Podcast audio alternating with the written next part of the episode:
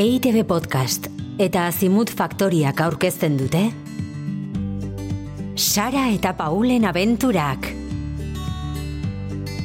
Lehen denboraldia, Bernardo Atxagaren logalea zeukan ekilibristaren kasua antzerki obran oinarritua. Seigarren atala.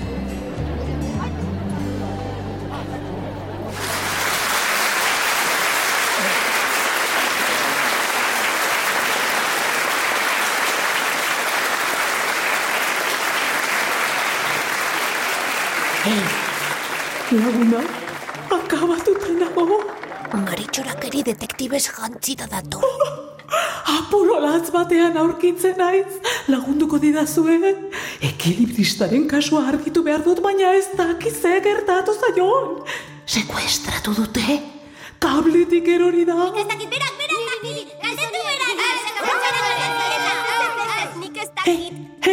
zuta bion artean, esan, zer dakizu ekilibristaz? Nongoa da? Ba, frantsesa da. Bai, ala dirudi bai. Ia, beste bati, e, pampoia, esan, ze koloretakoa du hilea? Urdina, ez da? Kaka kolorea. Bai, txokolatina gustatzen zaizkio? Eta zure, no? Ui, zurru torre. Bai, ia, non ikusi duzue azkeneko aldiz? New Yorken? Ia, ia, harrapatu dute New York, baina ez dakit norko. Ona. Txarra, praktika galtzen ari naiz. Norekin zijoan? Zer egiten zuenan? Eta, zu non egon zara azkenengo egun hauetan? Zein da zure koartada? Zer esan nahi du koartadak? Ebakiaren antzeko zerbait izango da. Ez?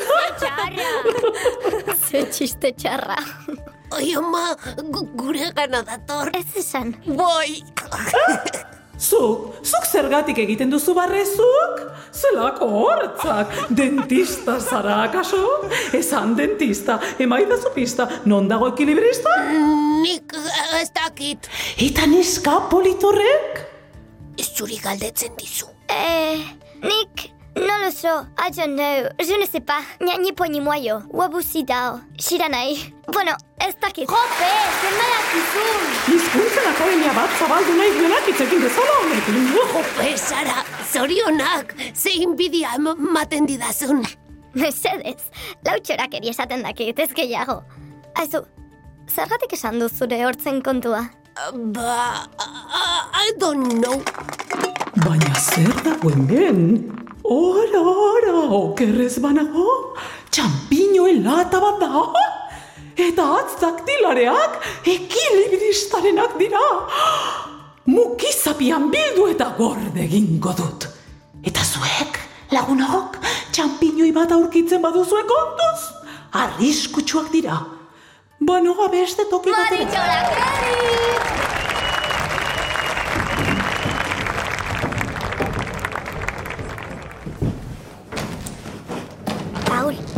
eskena tokia aldatzen ari dira, ezta? Bai, biogoz ekilibristaren lo- logela da orain. Hop!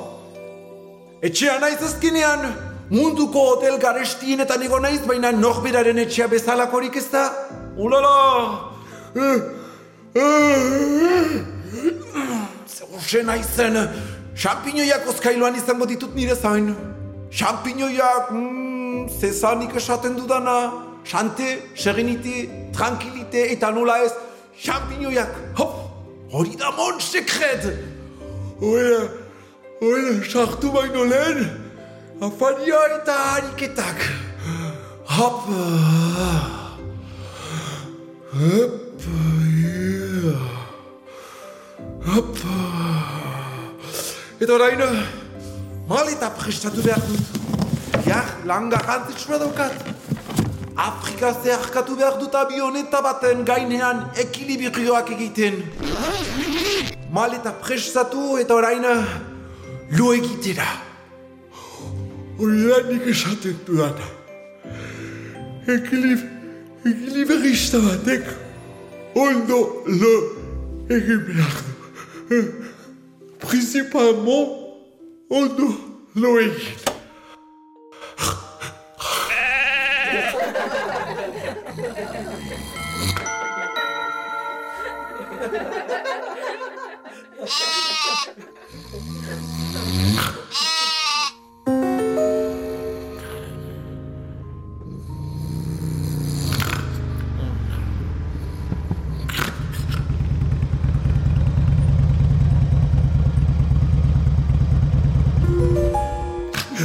Ara!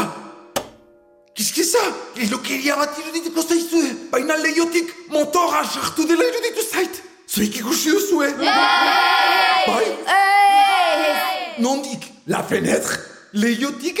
Ba, itxi egingo dut eta kitio problema! Eh, itxaron! Serenite piarez! Motorista bat motorra eta guzti leiotik sartzea et totalma imposible! Ez dago ezer! Hau zozokiria! Ametxe izan da! Ametxa, ulertzen duzue! Motorista bat leiotik sartzea! Ze pitokeria! Berriro lo egin eta kitio problema!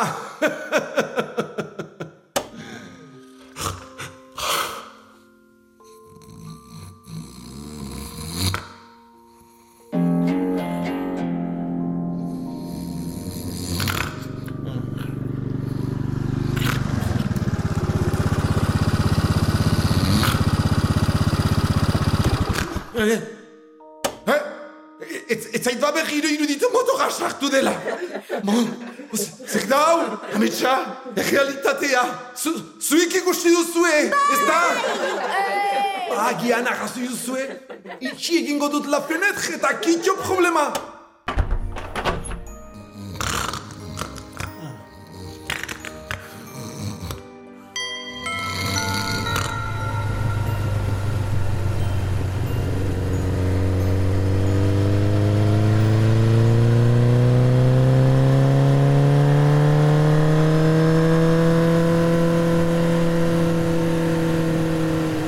Oh mon dieu!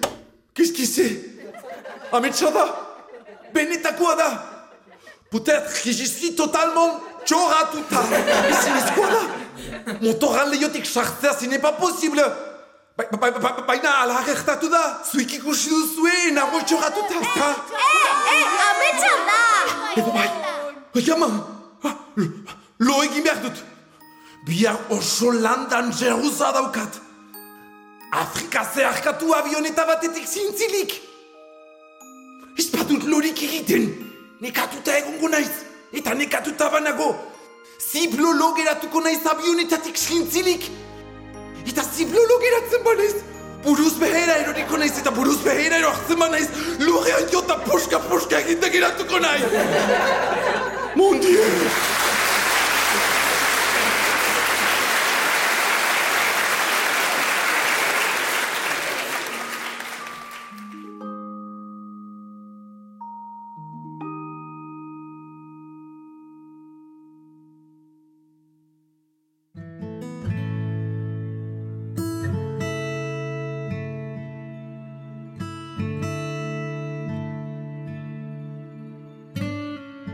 Sara eta Paulen abenturak podcasta entzun duzu.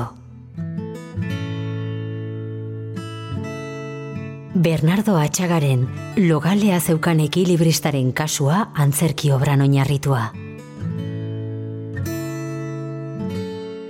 Gidoi egokitzapena eta zuzendaritza, Iñaki Bera etxe. Aktoreak, Lorea Intxausti, Itziar Urreta Bizkaia, Kepa Errasti, Ainoa Aierbe, Iñaki Bera etxe, eta Jose Felipe Hauzmendi. Grabazioa, Xavier Abalde. Soinu diseinua, Mikel Mendiaraz. Eta ekoizpena, Irune Urdaniz. EITB Podcast eta Azimut Faktoria.